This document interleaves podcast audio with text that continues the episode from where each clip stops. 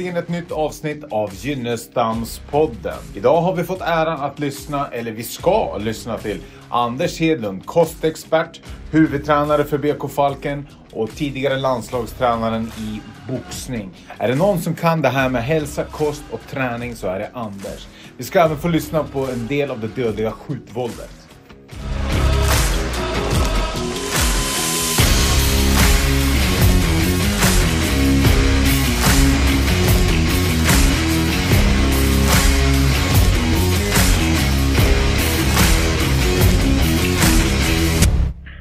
Jajamän, Gynnestamspodden, då är det dags igen. Idag har vi med oss Anders Hedlund och han har varit aktiv i 46 år inom boxningen. Och med aktiv, då menar jag att han har fightats, han har vunnit SM-guld, han har även varit landslagstränare och huvudtränare för BK Falkens boxningsklubb.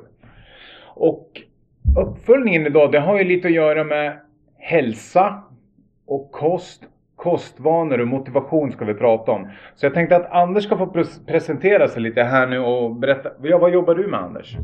Just nu jobbar jag med, eh, jag jobbar med network marketing-modell eh, med, med näringsprodukter. Mm. Eh, och det vi framförallt fokuserar på just nu mm. är ju att vi, vi hjälper folk till att ett, som jag sa, spara pengar, mm. två, tjäna pengar. Och samtidigt få i sig bra hälsa, eller bra näring. Okay. Och hälsan på köpet kan man säga. Så att eh, vi gör det väldigt simpelt och enkelt. Folk behöver bara byta butik. De ska ändå handla produkterna idag. Exakt. Byt butik så ja. öppnas en möjlighet att spara pengar och ja. ha en extra inkomst. Så när i alla fall ska köpa dem där du inte får den möjligheten kan du byta ja. och få den möjligheten. Ja, ja och, och, spontant så tänker jag just på det här. Nu, nu har ju du varit aktiv och, och, och liksom tränat i hela ditt liv. Hjälpt andra att träna. Du, du, du jobbar med det idag. Och då tänker jag också de här programmen, du blir vad du äter och, och, och allt. Hur, hur, hur stor del tänker du har med kosten att göra? Ja, minst 80 procent, kanske mer. 80 procent? Ja, ja. okej. Okay. Ja. Så är det ju. Ja. Träning, många tränar ju för att kanske gå ner i vikt. Ja. Så varje gång jag stöter på människor som sätter sig för att gå ner i vikt, så ja det, det var ju kul. Men ja. träna inte för, den, för, för, att gå ner i vikt. Nej. Träna gör det för att du ska, kroppen behöver röra på sig, ja. behöver eh, ha en aktivitet. Gå ner i vikt, det sköter kosten. Ja, ja. det där är jätteintressant. För förra avsnittet så pratade vi just, just, just om det här med, med vanor och vi pratar om kost och vi pratar just om träning. Liksom. Och just det här med att lägga förväntningarna. För det är lite det jag hör i, i det du säger. Så, så vad tror du och nu pratar vi mentalt, för det här är lite svårt att visa övningar i en podd. Men vad tror du är en sund inställning och en sund förväntning om man, om man ska uppnå resultat? Ja, först måste man tänka långsiktigt. Att vara konsekvent med att göra, att göra en förändring krävs att jag gör någonting annorlunda än vad jag gjort tidigare. Jag måste vara konsekvent med den förändringen över tiden innan jag ser ett resultat. Mm. Det gäller att se ett resultat efter en vecka, efter en månad, efter två månader. Men se det efter sex månader, se det efter ett år. Eh, och vara konsekvent med vad du äter, hur du rör på dig, vad du nu gör. Att just vara konsekvent med det mm. med tiden. Det är liksom hela grejen. Mm. De flesta gör ett inryck då och då mm. eh, och så blir det lite si, så blir det mm. lite så. Mm. Det blir aldrig bra liksom. Eh, och då har man ju förväntningar som aldrig kommer uppfyllas. Nej, nej så är det. Men vad, vad, vad, vad, tänker du om jag ställer en, en öppen fråga? För många kan den här låta dum kanske. Men, men vad kommer först? Alltså är det, är det kroppens förändring, det vill säga att man går ner i vikt och får resultat som påverkar psyket? Eller är det psyket, alltså den inställningen som kommer påverka resultatet på kroppen? Jag tror att det kan vara bägge delarna eh, på ett sätt. För det ena kan hjälpa det andra. Det kan jag tänka mig. Men mm. absolut, inställningen måste finnas där. Eh, så. Men det kan ju göra att om du börjar i en ände, ja. att rätta till kosten. Ja, då kanske du börjar må bra så, och får lite energi så du vill börja röra på dig. Och så får du effekter av det och så får du ändrad attityd och så, så växer det den vägen. Jag tror att det kan vara flera vägar att gå sådär. Mm. Men någonstans är det ju, vi måste ändå äta. Ja. Så, så det kanske ja, för mig är det nästan att börja där liksom. Mm. Så rättar det till sig. Och det, ska jag vara helt ärlig så tycker mm. jag i, i stort sett att eh, alla som har kommit till mig och vill ha hjälp genom åren så då är det träning och tänker att ska få hjälp, allting ska lösa sig. Mm. Jag skulle helst vilja sätta på ett kostprogram först. Ja, Och när de har, vi får ett resultat på det kan vi börja träna. Ja. Det är nästan det optimala. Ja. På vilket sätt, alltså nu, nu, nu kommer jag vara som ett oskrivet blad och lyssna på dig. Eh, hur tänker du att det är bäst? Eller vad, vad är det som får dig att säga att det är det optimala? Ja, jag, jag, dels har jag gjort det själv men, men eh, när man börjar träna, Mm. det beror på vilken form man är i, Ja. så, så eh, gör det kanske lite ont. Mm. Men bara att du, att du får till kosten rätt så Mm. blir du i bättre form. Mm. Utan att träna någonting Mm. så blir du bättre form bara av det. Ja. Ja. Och när du blir det så blir det lättare att komma ihåg och träna. Det blir roligare också. Ja. Och så, sen, sen är min egen erfarenhet också att när jag, jag la om kosten för 12 år sedan själv Mm. eh, och eh, jag hade gått upp, när jag slutade min aktiva karriär som boxare Ja. så, så vägde jag 60 kilo ungefär. Efter 20 år så vägde jag 80 kilo. Det gick upp ett kilo per år. Ja, det är 33 procents ökning är det på hela din total... Ja. Men du vet, ett kilo per år, det märks inte så mycket. Nej. Så en dag tittar i spegeln och tycker, fasen det här, det här var Ja. lite kul liksom. Ja. Det här måste vi göra någonting åt. Ja. Eh, Och då ska jag testa, testa de här näringsprodukterna. Mm. jag, eh, jag vill veta vad det är, jag vill veta om det funkar. Så jag kan inte bara träna också samtidigt. Mm. För jag vet inte vad som är vad. Mm. Så jag började med, jag började med att testa de här produkterna. Så bytte ut frukost lunch och så åt jag middag precis som Mm. vanligt. Och det var rätt skönt. Mm. Ha en god middag vill man alltid ha. Eh, Så. Ja. gick jag ner 12 kilo ganska snabbt där. Liksom. Och då kom ju energin att jag ville börja träna. Och när jag sen började träna, jag hade alltså inte tränat på ett och ett halvt år och sånt där. Och då tränade jag lite två, tre gånger på gymmet, lite halvdans sådär. Så, så att eh, jag var inte alls i bra form. Så eh, när jag kom igång och började träna där så kom jag snabbt tillbaka. Det är klart man har lite, kroppen liksom är van att träna sedan många år. Det har man alltid nytta av. såklart. Mm. Ja. Eh, Men det sa mig ändå liksom att det är den, den vägen är bäst att gå, Mm. tycker jag. Ja, Okej, jag, jag tänker så här, nu har ju du... Jag ska ställa en liten sån här, men nu jobbar ju du med det här. Du har ju ändå en bakgrund att falla tillbaka på. Det är jättemånga som har det, men det finns ju ett större, en större grupp i samhället som liksom inte, som, som kanske vaknar upp liksom. De har aldrig tränat hela sitt liv, jag vet inte, de har passerat 40 eller någonting. Liksom den här naturliga metabolismen och testosteronet liksom, det sjunker ju med åldrarna. Det gör att man blir tröttare. Man har svår, mer svårt att röra sig precis som du säger och allt det här. Du fastnar i soffan, du fastnar i att äta hemma också. Den gruppen av människor. Och som också känner så här att de inte har någon träningserfarenhet. De har ingen liksom erfarenhet på kost. Liksom. Hur, hur, når, hur når du till, ut till dem? Och liksom, hur, kan, hur kan vi genom den här podden nå ut till dem? Ja, alltså de kan ju börja göra, eh, jag tror det är små, små förändringar som Ja. måste göras. Ja. Dels så har de ju vilja förmodligen att göra någon förändring, Mm. men det måste vara små förändringar. Mm. Och vi har ju över tiden, eh, genom åren har vi lagt på oss olika typer av vanor. Mm. Man brukar säga att vanor är svårt, svåra att, att bryta. Ja. Eh, dåliga vanor framförallt är svåra att bryta. Mm. Men det intressanta med det är att även goda vanor är svåra att bryta. Exakt. Så, men ska man ta bort en dålig vana måste jag byta mot en god vana. Mm. Så. Mm. Men har jag gjort det tillräckligt länge så är det svårt att bryta den också. Men Mm. börjar man i små steg som, man, som är hanterbart. Ja. Eh, och man kan ju ramla i fällan där också för är det för enkelt att göra det. Allting som är enkelt att Ja. göra är också enkelt att inte göra. ja, det är enkelt att skippa det för man kan Ja. det. Ja, det är man på. Ja. Så, eh, men kan man ta de här små stegen.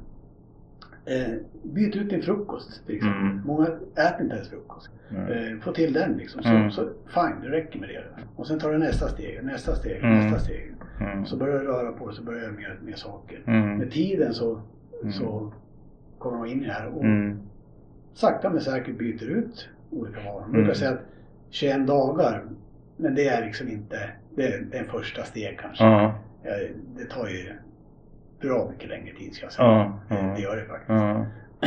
Det är bara att inse det. Det tar ju minst ett halvår Mm. där.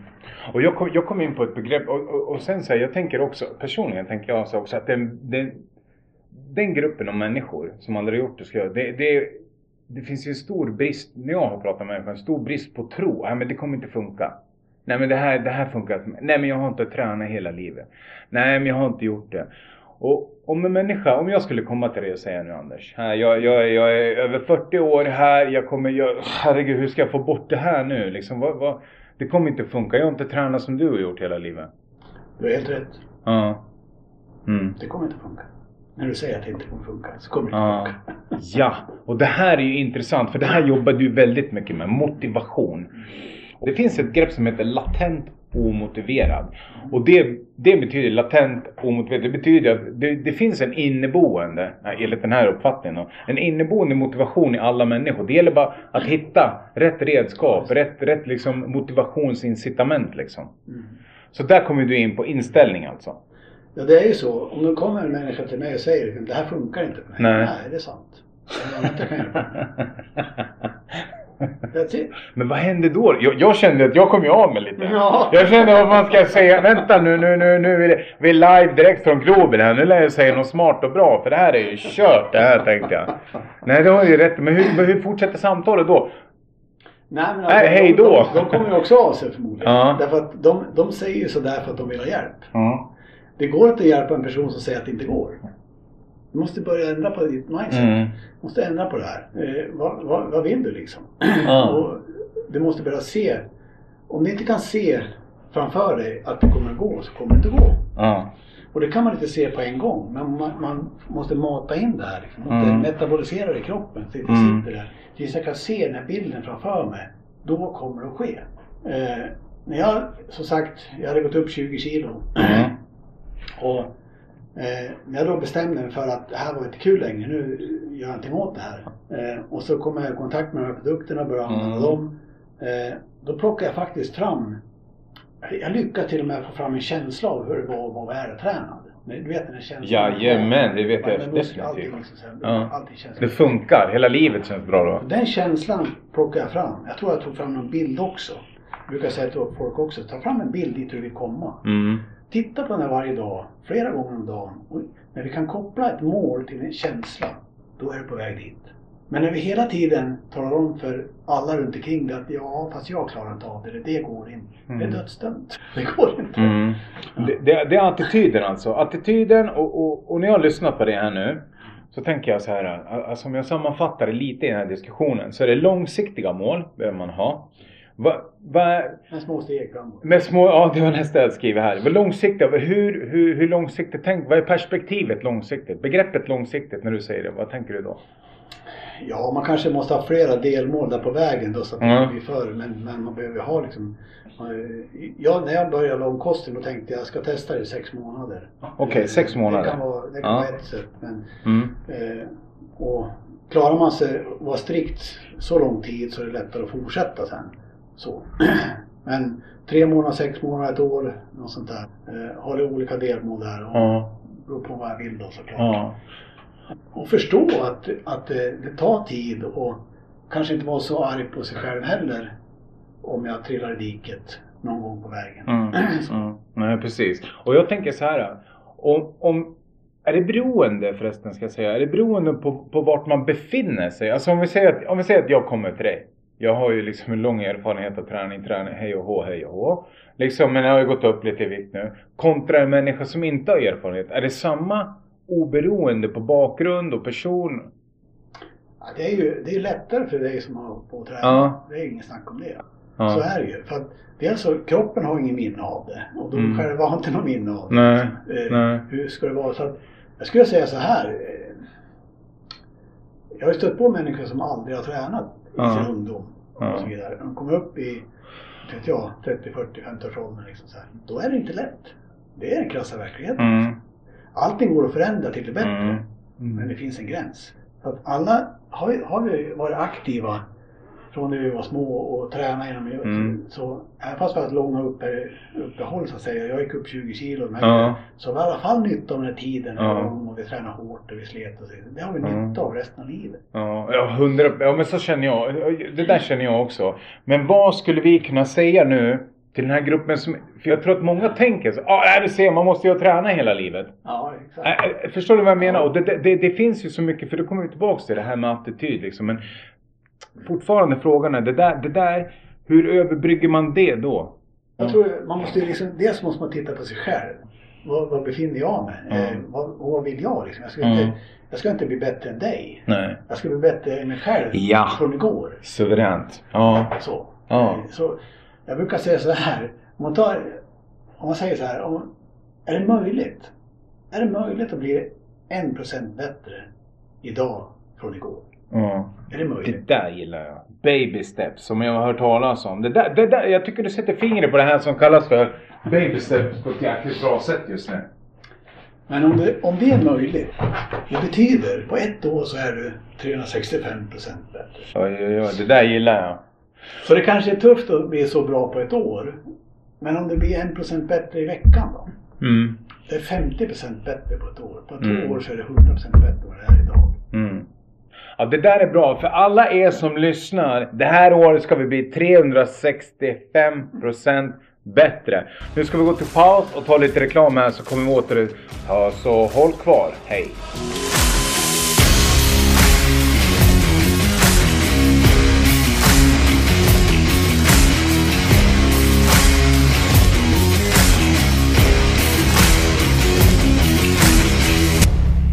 Jajamän, vi är tillbaks del två Anders Hedlund. Här har vi ett utforskande samtal om hälsa, kost, attityd, långsiktiga mål och små förändringar.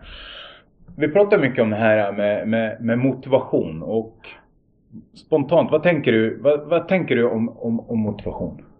Eh, action. Action? Ja. Folk tänker ofta så här att jag, jag väntar tills jag blir motiverad. Jag sitter och väntar att någonting ska motivera mig att göra Mm. det. De får vänta resten av livet. Ja. ja, exakt så. Det kommer, det kommer inte ske. Utan det är action som kommer upp som, som, som Ja. gör att du blir motiverad. Det, jag, jag är helt med på det och nu, nu upprepar jag den här frågeställningen och vi har ju varit inne på det här också. Och Då, då, om man kommer lite djupare där, det, det jag upplever då, det, det är drivkraft. Vad tänker du om jag säger drivkraft? Ja, den, där är, den där är en svår fråga tycker jag. Drivkraft är jättesvårt jag tror helt ärligt att det, man vet inte riktigt vad det är som driver en. Det kan vara väldigt olika saker. Liksom. Mm. Man gör saker för att, ja. Mm. Jag var på en, en eh, eh, coachkurs på Bosön för många år sedan. Det Mm. var en militär där som hade en övning med oss. Just om det där med vad är det som driver oss framåt. Och fick en, lista liksom på viktiga saker. Liksom. Så det Mm. viktigast för mig? Liksom, har varit mina barn och sådana här grejer. Så fick vi ta bort allting som var utanför mig själv och så vidare. Till slut så fanns det ingenting kvar på min lista. Nej. så, vad är det som Ja. driver mig framåt? Och då sa han så här. Om vi låser in er i, i ett bergrum. Mm. Ja, det finns inga fönster, ingenting, så låser in er där. Och ni vet, ni kommer sitta kvar där. Ni kommer Mm. inte ut. Vad är det som fortsätter, får er att fortsätta leva? Ja. Liksom, vad är det som driver er att fortsätta? Liksom? Det finns ju någon, någon liksom. Ja. Och hitta den. Det Ja. fanns inte lätt. Det är inte det. Nej. Eh, men man måste ha passion för någonting. Ja. Eh, vad den är. Eh, och det, det, som man, det som man gör, har passion för. Ja. Det kan man ju hålla på med länge som helst. Ja. Det. Eh, och där har man kanske, där kanske man börjar närma sig och hitta sin drivkraft. Mm, vad det är, liksom. mm. Jag tror det där är en jättesvår fråga. alltså. Mm. Jag tänker så här, alltså spontant så tänker jag så här. Alltså om du älskar det du gör så kan du ju aldrig bli utbränd. Nej, det är svårare i alla fall. Jaha, det är svårare i alla fall. Ja, sen kanske du behöver äta och sova emellan och så. Men, men, men, men någonstans där ja. Man kan ju hålla på fast man är hur trött som helst. Mm. Eh, tar vi boxningsbiten till exempel för min egen del så, så eh, när jag var som mest aktiv och planerade och, och alltihopa det här liksom och verkligen grotta ner mig i, Mm. i hur man planerar boxning, hur kubanerna tränar på Ja. boxning till exempel. Ja. Varenda jävla detalj liksom. Eh, spelar ingen roll vad klockan var liksom. Eh, jag kommer ihåg vi satt med en kuban där och han visade hur man gör en årsplanering och hur man Ja. tittar på det där. och vi satt till, jag kommer inte ihåg om det var ett, två på natten och sådär. Så när jag kom hem efter det så, så fortsatte jag gå igenom det här för att jag verkligen ska förstå ett par timmar till. Mm. liksom så då, då har man någon drivkraft. Ja, då har man det. Då sitter man inte och tänker på gud jag borde sova, äta och Nej, gud jag kommer gå sönder och hej och hå. Nej, nej precis. det går inte att låta bli liksom. Det gör det inte. Och vi, vi pratade om det här med kosten och, och, och små förändringar. Någonting som jag fastnade på där, det var ju så att frukost till exempel. Och då, då tänker jag så här. Äh, på tal om militärer också, just det här med att bädda sängen. För då har man klarat någonting varje dag. För er som inte har hört det här så, så finns det där en disciplin inom militära. Att du bäddar sängen först, för då har man klarat av någonting på dagen. Men om, om vi säger att man har klarat av en kostvana per dag och göra den här lilla förändringen då. Vad är det man... För de som inte äter frukost så kan de ju äta frukost. Men jag tänker så här. Ett tag i mitt liv så hade jag jättesvårt att äta. Jag, jag, jag, drack, jag drack kaffe, två, tre koppar. Och sen åt jag inte. Sen blev lunch det första målet. Mm. Kan man räkna den eh, lunchen som frukost då? Nej. Nej. Okej. Okay. Men vad... För, för det är många som liksom tänker, ja men det här blir ju min frukost vid lunchen. Mm. Vad och när efter man har vaknat ska frukosten intas? Ja, man brukar säga minst, eh, minst inom en timme. Gärna inom en timme? En halvtimme. Halvtimme, okej. Okay. 30 minuter. Alla ni som lyssnar, 30 minuter nu. Kroppen är ju smart. Va? Eh, om det inte kommer någonting, stänger jag av förbränningen. Och sen okay. när jag äter, ja men då lagrar vi det också. För det är inte säkert det kommer någonting på ett tag. Så att, jag brukar säga att frukosten det är som att tända eld på brasan.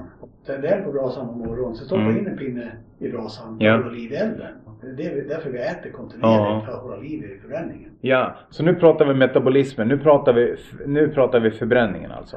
Och det här tänker jag kan vara en bra drivkraft för många att käka frukost. För jag, jag, jag fastnar på det. Mm. Och jag tänker just det här, okej okay, inom 30 minuter ska jag börja äta för då startar förbränningen. Har, har jag förstått dig rätt då? Okej. Okay. Okej. Okay. Då är det, vad, vad skulle du rekommendera för den här personen som har svårt att äta på morgonen? Ja, personligen så tar jag en, en näringsshake. En näringsshake, ja det där, det där låter ju bra. Lätt att dricka ner. Balanserad okay. näring och lätt att dricka precis så det går fort. En näringsshake ja. ja men det där låter ju, det där låter smart. Har man, har man bråttom så kan mm. man svepa i sig. Så är det klart. Ja, ja men jag, jag, jag, jag, tror, jag tror verkligen på det. Jag tror verkligen på det där. För det där Alltså jag tänker när jag som var inne i den här perioden som så många andra och dricker kaffe. Det, det, det, den övergången vet jag erfarenhetsmässigt har, har funkat på mig. Och till de här som äter frukost men äter dåligt. Vad, vad, vad skulle du säga till dem då? Ta en shake också? Ja. Shake också. Okej, okay. så näringsshake är någonting du tror på. Vad, vad tänker du annat rent kostmässigt är bra? Ja, alltså det är balanserad näring vi vill ha när vi ger kroppen. Om man mm. tänker så. Bortse från det vi tycker mm. är gott. mm. Så vi har en balanserad näring. Och det är inte så jäkla lätt. Jag är ingen expert på det. Liksom. Men eftersom jag använder de här shakerna så vet jag att jag får en balanserad näring. Eh, jag gör det enkelt för mig. Precis, eh, du gör det. Ja, ja och det är det. Bra. Jag får mm. liksom mycket av det vi äter eh, normalt sett som man tycker är rätt så okej, okay, så ger oss tyvärr mm. kanske högt blodsocker i alla fall. Och då startar vi dagen med för högt blodsocker. Då kommer vi in i den här jävla berg. Så vi blir mm. trötta och pigga och trötta och pigga och allt. Och det är det som gör att vi inte förbränner någonting. Så har vi balans i det här, vilket vi får av den där shaken, då är det lättare att fortsätta rätt resten av dagen sen. Ja, och det där, det där jag, jag är helt med på det. Det finns ett stort segment i vårt samhälle också som har alltså tid. Alla behöver ju mer tid.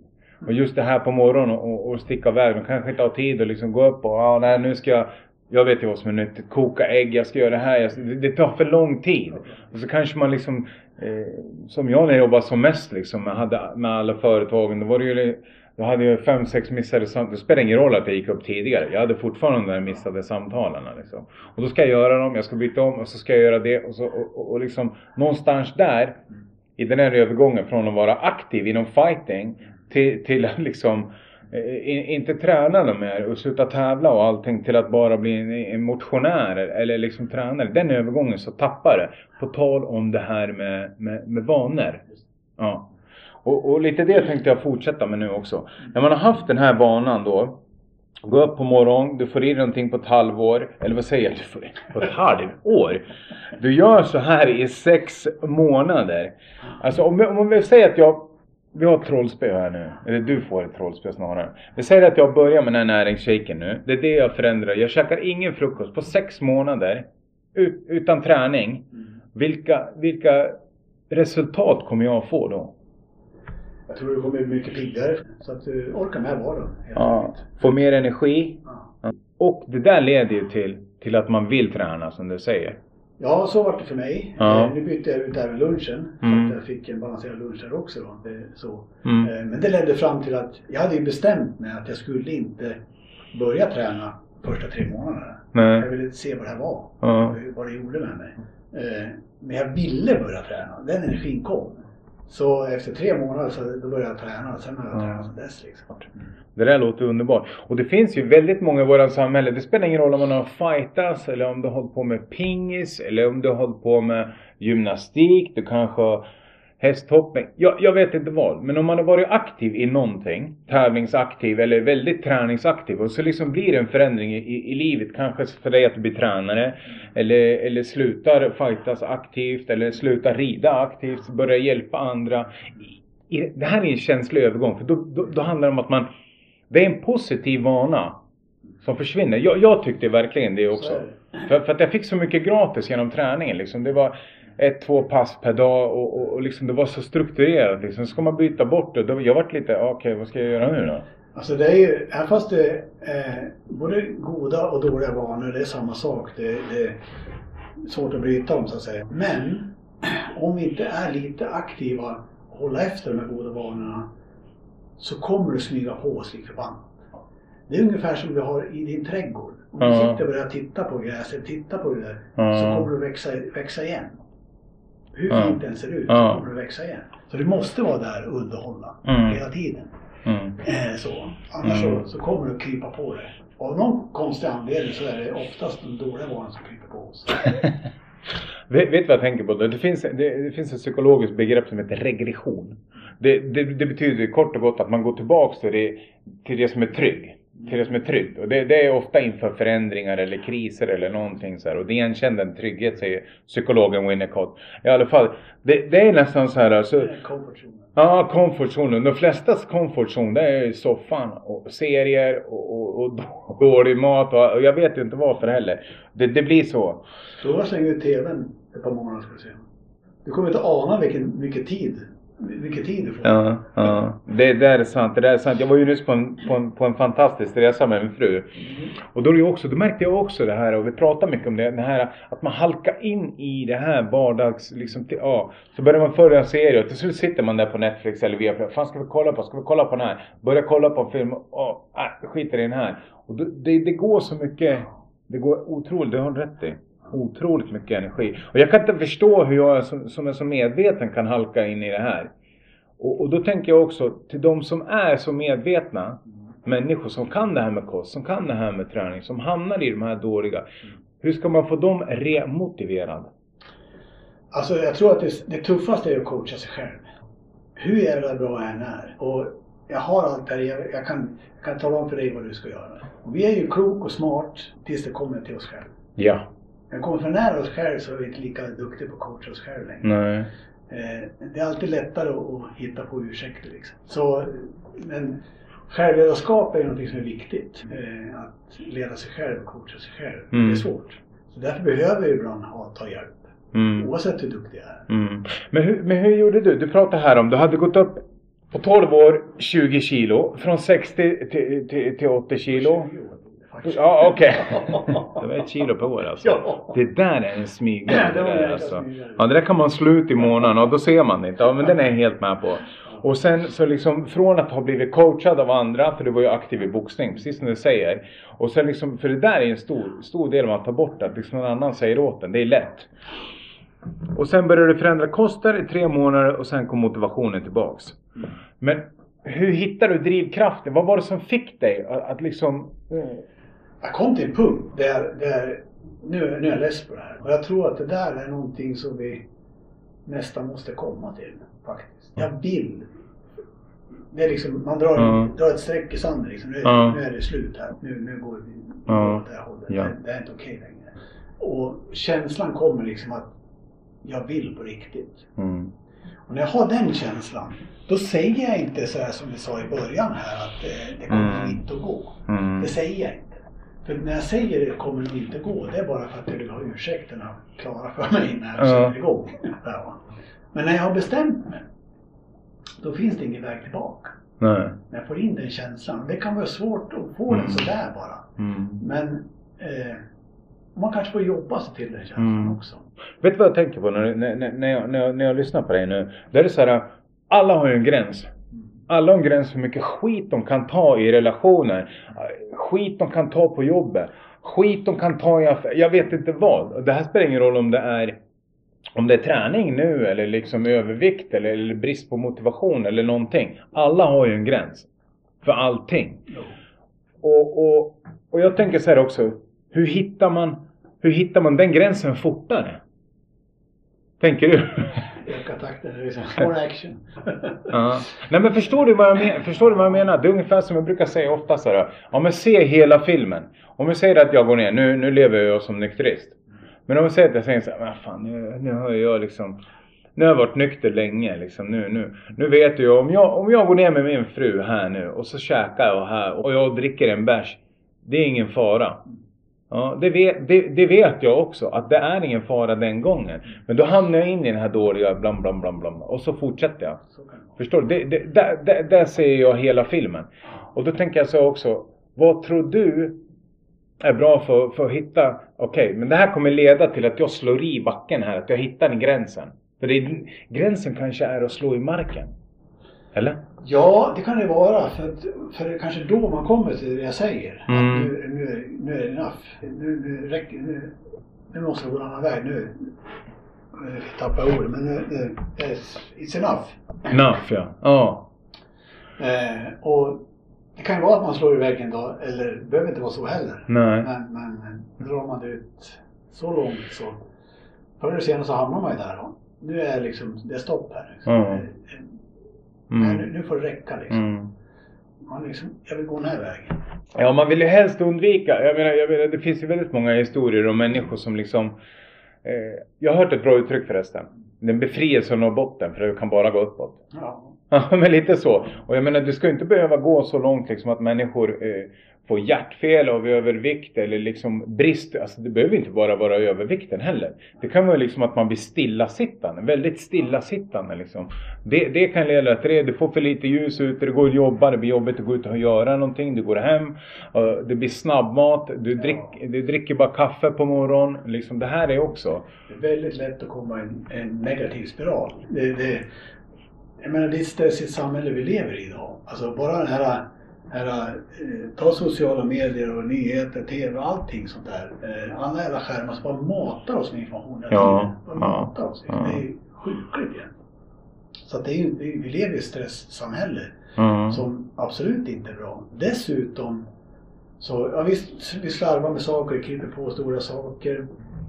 Vi vet att kosten blir sämre och sämre. Mm. Vi vet att det blir mer sjukdomar, alltihopa det här. Liksom. Och vi vet att det blir sämre och sämre. Eh, Och, men det ser vi på alla, fler och fler sjukdomar som kommer Ja. som inte fanns förr.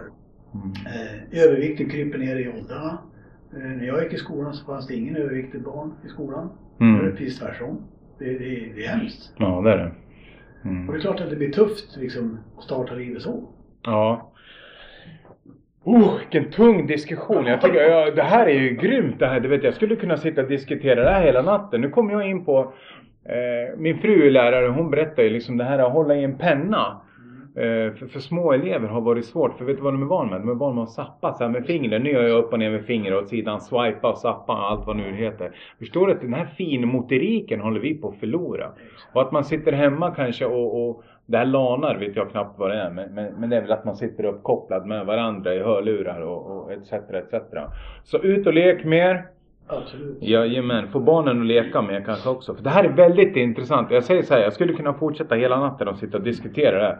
Men om vi summerar den här andra delen så har vi pratat om, om, om drivkraft. Hitta din drivkraft och, och, och försök se att du kommer kanske smälla i väggen eller, eller Försök att botten. måla upp en bild, en vision. Ja. Vad vill jag någonstans? Och, eh, och jobba med den bilden liksom varje dag. Kontinuerligt jobba med den bilden. Att eh, jag ska se mig själv i situationen. Mm. Och när, när jag kan se och till och med koppla en känsla till att jag är där. Ja. Då är jag nära där. Ja, det där var ju mycket vackrare men jag hörde det. Jag började använda den negativa omvändningen på motivation. Ja, du kommer slå i backen. Men det där har bara faktiskt varit en drivkraft för mig. Ja. Ja, så det måste jag försvara mig med att säga. Men eh, håll kvar. Nu flaggar producenten här som vanligt och det är bara stoppa, stoppa pressarna. Nu ska vi ta lite kaffe. Nu kan vi andas lite så går vi till reklam. Så hörs vi snart. Tack!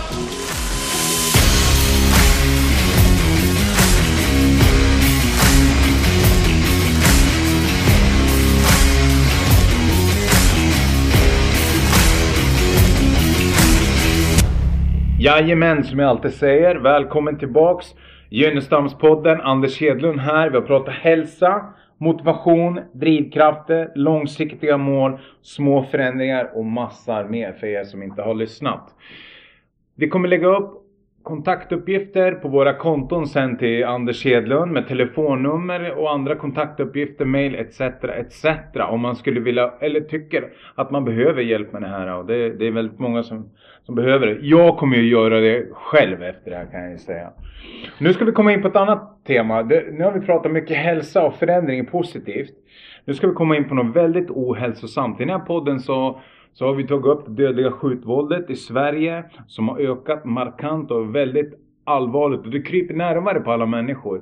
Och nu råkar det vara så pass hemskt att en av de här skjutningarna som skedde förra året den skedde precis utanför där du sitter Anders. Ja, precis. Mm.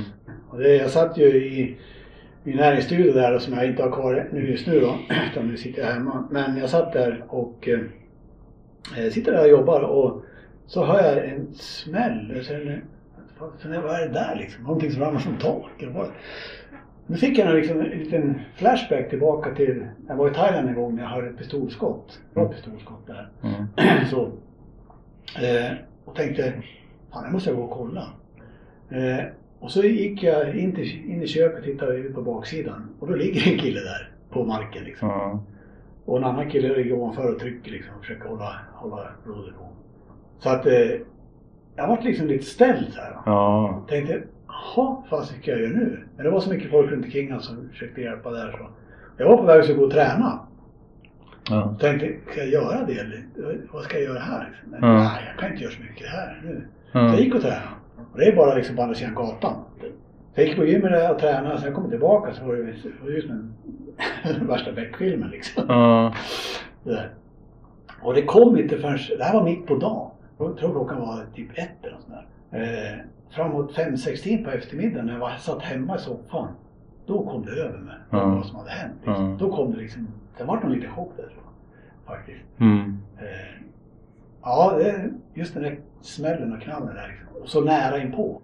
Oerhört nära inpå. För, om, om du beskriver lite miljön här. Det, det, det är gårdsplan utanför eller hur, hur liksom så ser Ja. miljön ut? Om du beskriver för de som, in, som lyssnar nu. Jag sitter i, i lokalen och Ja. bakom mig så har jag ett litet kök.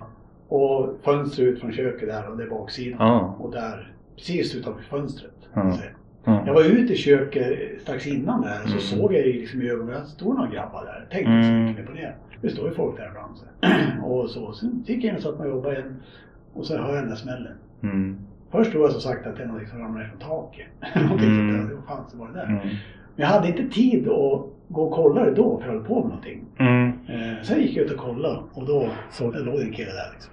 Och jag, jag, jag tänker så här, du, du berättade att du gick och tränade, du kom tillbaks och sen när du sitter hemma så kommer det över dig det här. Vad va, va, vad fick du för tankar då? Jag vet det, vart jag tror det vart lite chock faktiskt. Mm. Eh, eh, att jag förstod Mm. hur nära jag var där. Jag Mm. menar, ja, hade jag gått ut på baksidan strax innan, det scenario Ja. att tänka, hade jag gått fel väg Ja. eller jag kunde lika gärna gått ut på Ja. baksidan Ja. när det hade skett eller något Ja. Sådana tankar var Ja. det. Liksom. Mm. Och det är inte konstigt heller. Jag, jag tänker så här, när du berättade att köket, då tänkte jag, jag gick där och kollade. Och tänkte, tänk om de hade missat. Tänk om det hade blivit någon sån här så kallad rikoschettskott som hade flugit in där. Kom de tankarna upp? Ja, nej, kanske inte gjorde riktigt. Men det, nej, men alltså, det är mera, mera just det där att eh, jag kunde lika gärna gått ut den vägen. Ja. strax innan skottet kom. Eller något, liksom. För så pass nära var det. Dörren, dörren ut liksom var Ja. typ två meter från där det hände. Ja. Så, ja, det är fruktansvärt otäckt. ja, det, På, nu har inte du näringsstudion kvar på det, på det stället som du säger, men efter den här händelsen, påverkar det här ditt, ditt, ditt tillvägagångssätt? Hur du går ut och vart du går in i lokalen och så? Nej, faktiskt inte. Nej. Ett tag i början gjorde det faktiskt Ja. Eh, Där, där tankarna kom liksom så Ja. fort jag gick ut, gick runt där. Liksom. Ja. Absolut gjorde det Men inte nu. Det gör det Nej. inte. Nej. Jag menar vi, vi, vi blir ju nästan immun mot det här också på något jävla sätt. liksom. Mm. det är, vi kan inte ens titta på nyheterna utan det är skottlossning längre. Ja, det är fruktansvärt utveckling. Och det är därför vi tar upp det här temat nu också. Det, det är liksom för, för, för att diskutera det. Det är inte den, det är knappast den här podden som, är den första att diskutera. Det är ju på hela tiden på Efterlyst så tar de upp precis det du säger. Veckans skjutningar. Och, och, och det är ju bara ett tema i sig som jag tycker är fruktansvärt otäckt. Och för dig också när det kryper så nära. Också. Det är så verkligt. det blir oerhört verkligt ja. Eh, jag, jag tänker så här. Den här utvecklingen, det är precis som du säger, du kan inte ens kolla på TV utan att det här händer. Om du backar flera år, så se, se, ser du den här utvecklingen markant? Du som är vanlig Svensson i samhället. Det har ju gått, jag, jag tycker att eh, bilden som jag har är att det har gått otroligt fort de sista Ja. par, tre åren. Alltså, otroligt fort. Det har säkert hänt mycket saker innan man kanske inte Ja. har reflekterat lika mycket över men det, ja, det, det har gått otroligt fort. Ja, Jag vet inte vad man säger heller. Vi ligger liksom i topp i Europa. ja det stämmer. Det stämmer. Sen, sen 2018 gör vi det. Jag har ju tidigare avsnitt om man lyssnar på det. Men nu, för att inte jag ska låta allt för korkad här. Märker du någon skillnad säger jag så skjuts det utanför. Det är ju klart som fasen att du märker någon skillnad. Men jag menar den här generella skillnaden liksom. Precis som du säger, det här du ser på TV eller tidningar eller någonting. Ja, det är hela tiden. Det är Mm. varje dag i- nästan. Mm. Så känns det i alla fall. Ja. Det händer något varje dag. Men, men känner du att den här, den här utvecklingen, den är skrämmande. Är det här en eh, utveckling som du känner att man pratar om i din, eh, i din sociala sa, samhällskrets? Sociala samhällskrets? Sociala sfär skulle jag säga. Eh, nej, inte egentligen. Det kan jag, jag vet inte varför men jag tror att Mm. folk vill inte prata om det. Nej, det lockar på tänker du eller? Jag tror det. Ja. Okej, vi pratade tidigare om det här med hälsa. Och jag, jag tänker också att det är, det är mycket så. Det är för efterlyst och poliser etc. etc. Men för många, för många alltså, alltså man vill ju ha ett normalt vanligt liv där det inte skjuts omkring en. Om man inte väljer den vägen då. Så att säga. Liksom. Men jag tror också att, vad tror du att vi som vill lägga locket på eller som lägger locket vad, vad kan, kan man göra någon skillnad för det första, tror du? Ja, jag vet inte. Det är att ta hand om oss själva och, och de folk runt omkring oss.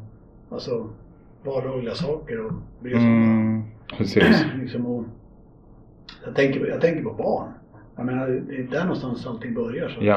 Eh, Det är där vi bör hamna rätt liksom. Och då kommer vi in på skolan, kommer vi in på alla Ja, precis. Ja, precis. Så det, det är en stor apparat i det hela Mm. så- såklart. Men ungdomarna och komma in på idrotten där också igen. Vi kommer in på boxning igen. Ja. Och alltihopa det där. Så att eh, all idrott är en samhällsnytta. Nu kommer jag från boxningen och tycker den är, fyller en enormt bra funktion. Jag har ju sett många gånger. Så att eh, eh, där, dels är det väl det, det de är inne på också. Vad de pratar om också. Att det måste till snabba åtgärder Mm. men även långsiktigt tänk. Så att det, man förebygger liksom. Där måste Mm. man ju börja på lekisnivå liksom. Mm. Och det tänker jag också. Och jag tänker så också, du är inne på väldigt intressanta saker här. Jag tänker så här, för du, du är även pappa. Så är det ju. Du har... Farfar och morfar. Ja, du... ja jag, jag börjar med det här med pappa i alla fall. Ja, precis. Och, det, och, det, och de ska ju växa upp i det här samhället så, som är så här också. Jag tänkte, eh, när, när du växte upp, då var det inte de här skjutningarna, så är det ju. Man behöver inte ställa den frågan heller för den är ju riktigt korkad med tanke på att sedan 2018 så är vi i topp i, i hela Europa. Och det ökar även i, i, i det här topplandet liksom. Och det är en väldigt negativ spiral. Men jag tänker, fritidsgårdar. Vad tänker du om jag säger fritidsgårdar? Tror du att det är något bra? Ja, absolut. För de lägger, det, det har ju lagts ner väldigt många fritidsgårdar. Det där var ju också, när, när jag var yngre, då var det ju också fritidsgårdar. Jag hängde igen på fritidsgårdar Ja, liksom. Mm. Nej men de är ju rädda för att det, att det, skapas kriminalitet där. Mm. Att det blir, att det blir som, som Ja. små nätverk menar du? Men det är ett ja. annat problem. Ja. Det är inte fritidsgårdens problem. Det, det, man kan ju liksom, allting Mm. kan, ju, kan ju missbrukas man säger. Exakt. Och då tänker jag så här, om man har det perspektivet, vad är det som gör att det inte skapas sådana här små nätverk inne på föreningslivet om man kommer till boxningen? För boxningen är ju förening.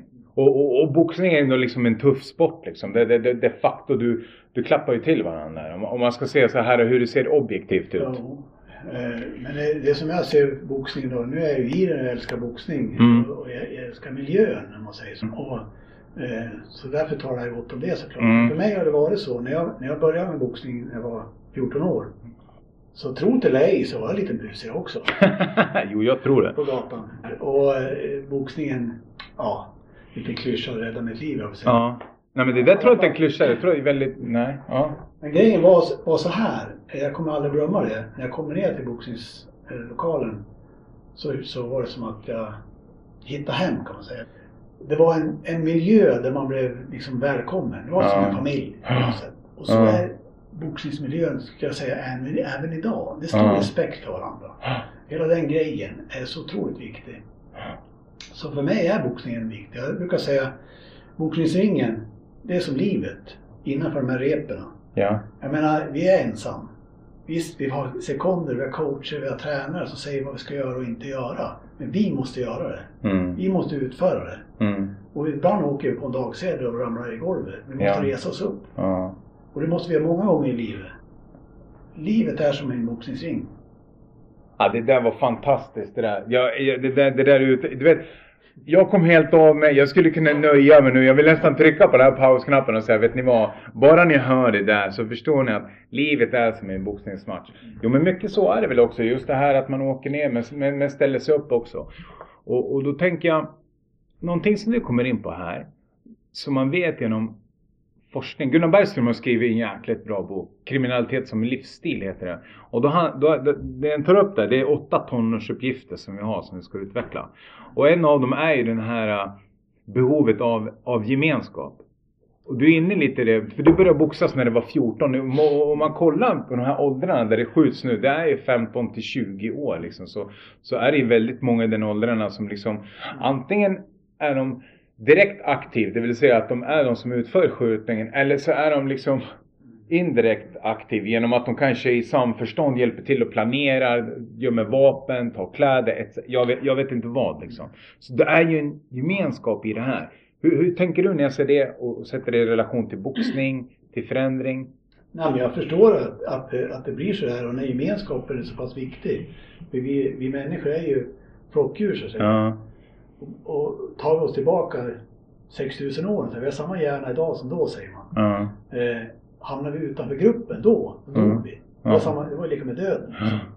Så, så därför så, så vill vi vara i i- i en gemenskap, vi vill vara en, en grupp. Där känner vi oss trygg. Även fast det inte är bra saker just Mm. kanske i den här gruppen eller vad det nu är. Mm. Så fostras vi in i det där. Vi vi vill i en gemenskap helt enkelt. Mm. Mm. Eh, och, så det tror jag är väldigt kraftfullt. Mm. Ja det tror jag också och jag, jag, jag är helt inne på det. Jag, jag är helt inne på det. På det spåret också. Jag tänker så här också. Jag satt i relation till att du är pappa och föreningsliv och att man som förälder är det viktigt att få in barnen i ett föreningsliv tänker du? Ja, det där, både för idrottens skull, eller om det är, det kan ju vara Ja. en, en idrott i och för sig, Ja. men att man fysiskt rör på sig och allt vad det har med saken att göra. Men sen är det ju den där sociala biten såklart. Och ja, det, det är viktigt. Okej. Ja, jättebra. Men vad ska man göra? Jag tänker här, vi pratade lite om det här med teknik tidigare. Typ att, att, barn rör inte på så mycket och så här. Om man sätter det i relation till att människor sitter hemma, de är, de är väldigt ensamma, de är väldigt utanför. Och så de kanske inte vill ha ett föreningsliv. Vad ska, vad ska en sån förälder göra? Vad, vad gjorde du till exempel med, med, med dina barn? Alltså de var ju med mig på klubben tidigt Ja. liksom. Bägge, Det bägge, blev naturligt. ja, bägge mina barn. Fast, ja, de boxade bägge två faktiskt och Ja. en dotter. Inte så länge, hon började med simning sen och så vidare. Ja. Så, så att, för de har ju, ja de har vuxit upp i det på något sätt. Mm. Eh, Det är klart att det kan bli lättare då. Såklart. Eh, Mm. Men eh, ja, jag menar alla som är i min ålder, jag är Mm. 60-årsåldern. Mm. Jag nyss velat 60, det är svårt att säga det. Ja, det är svårt att tro det också när man ser Ja, det. det är svårt att tro. Jajamän.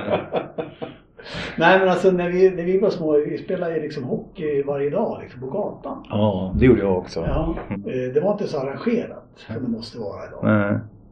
Och det kan jag tycka är lite synd liksom. Den här spontanidrotten är ju, tror jag, superviktig. Man gick till hockeyplan, så delade man upp ett lag så körde vi. Det var riktigt mycket Ja, ja jag, jag är helt med på det du säger. Det, det blir, det blir en, alltså det som förenar en då, det blir ju liksom leken. Ja. Och sen spelar det ingen roll egentligen om det är som du säger, om det är hockey eller om det är hoppa rep eller om det är kurragömma eller om det är Men, men och det är- röda vita rosor. Ja, jo, det precis. Mm. Men, men det är också att eh, det kunde vi göra varje dag. Ja. Det är intressant. Ja. För säger man åt idag att Mm. vi ska köra två gånger i veckan eller tre gånger i veckan. Vi får inte slita ut våra barn. Nej. Vi tränar varje dag. Det har du rätt i, ja. Det är ja. så sjukt det där liksom. Och ja, jag ska inte vara negativ men det hänger inte på barnen, det hänger på, det hänger på de vuxna. Ja, att aktiviteten generellt, alltså synen på, på, på aktivitet har gått ner. Samsynen, är det det du pratar om? Ja, man, är, man är rädd. Ja, Ja. Det får inte, liksom, får inte bli för mycket. Det får inte slita Mm. ut. Du kan inte slita ut ett Mm. barn. Nej, det går Det går inte. Nej. För De, de, de kör tills de inte tycker det är roligt längre. Ja, så är det ju. Ja, så Är är det det. för jobbigt så stannar de en stund. Ja, Och så kör de på igen. ja. Tills det, tills det inte är kul. Mm. Jag var ju på en föreläsning med sk- skridskoåkaren där, vad heter han? Gustav? Eh, han är den gamla skridskoåkaren. Thomas Gustafsson. Och då, då började han inleda med att säga att jag frågade min fru liksom så här, "Var- varför, varför idrottar barn för? För att det är kul. Så. Mm. Varför slutar de? Det är inte kul längre. Så enkelt Ja. är det. Ja. Så enkelt är det. Ja. Mm. Jag tänker så också, så enkelt är det också. Sen kan man komma in på mycket om det här just med, med, med, lagidrotter. Om du kollar på fotboll eller hockey. När det kommer upp en viss ålder då är det ju, då är det ju, då är det inte leken som ska, eller att det är roligt som dominerar. Då är det ju prestationen som avgör om eller att du ska kunna fortsätta. Och vet du vad jag tror, tror för mig och för många andra. Det handlar om att vara transparent. Har man börjat med fotboll, hockey, boxning, you name it. Alltså sluta aldrig och lek. Byt lag då. Byt perspektiv. Dra ihop ett korplag i fotboll om du spelar det. Det där tror jag också liksom att precis som det vi har pratat om. Övergången i hälsa från att vara aktiv proffsfighter eller tävlingsfighter eller jag, jag vet inte vad. Alltså sluta aldrig ha roligt. Absolut, det är, Mm. det är viktigt. Och det du ska komma ihåg också är ju att det är liksom bara 5%, 15% som vill lite mer. Det vill säga nå eliten kan. Resten 80% vill inte, de vill ha kul bara. Ja. Jag älskar de här 80 procenten. Ja, eh, och eh, visst är det det. Sen har de här som, som vill ha lite mer och, eh, och jag tänker på den här tennisspelaren Rafael Nadal. Mm. Jag gillar hans, hans Mm. citat när han säger liksom att när jag förstod att jag var en talang, Mm. då började jag träna hårt. Därför att om man inte tränar hårt, då slarvar han bort sin talang. Ja. Många gör ju tvärtom. Du är talang och det går så lätt för dig. Ja. Det är lätt att vinna matcher. Det är så att du behöver inte träna så hårt. Men det går bra ändå. Då tar det slut Ja. ganska fort. Ja, okej. För att kunna vårda sin talang, Mm. då får du nytta av din talang. Mm. Eh, Träna hårt, det kan ju vem som helst göra. Men ha den riktiga talangen, Ja. kanske inte alla har. Nej. God given to you. Det där föds man med eller? Föds man med talang tänker du? Ja, lite grann gör man väl det. Det tror jag. Ja. Det gör man. Ja, det tror jag också. Platon sa ju man föds inte i sin plats i samhället. Det tycker jag är väldigt smart gjort egentligen. För jag vet inte hur jag kommer att tänka på när jag var fyra fem år. Jag sa till mamma jag ska bli advokat när jag är stor. Nu blev jag ju inte advokat utan jag blev socionom. Jag vet inte var det där kom från. LA Laws tror jag det var. Någonting sånt där har mamma berättat om. I alla fall, men om vi summerar den här diskussionen nu idag. Så, så kan jag vilja säga var snäll mot varandra. Ta hand om varandra. Och vill ni ha hjälp med kostupplägg, motivation eller allmänt så kommer det ligga på våra konton. Gynnestamspodden på Facebook. Instagram-kontot som heter Gynnestams. Vi kommer även kolla här inne på Podbean. Så kommer vi ha lite uppgifter till Anders här som vi kan ta reda på. Den andra diskussionen med dödliga skjutvåld i Sverige är oerhört skrämmande det som pågår. Det är fruktansvärt att folk ska bli lidande av det. Föräldrar, även de som utsätter utsatta och, och, och alla som förlorar sina vackra söner och döttrar i det här landet. Så var snäll mot varandra och ni som tänker skjut inte. Så får vi vara snälla och rädda om varandra tills nästa vecka. Ha det gött! Ha det. Hej då!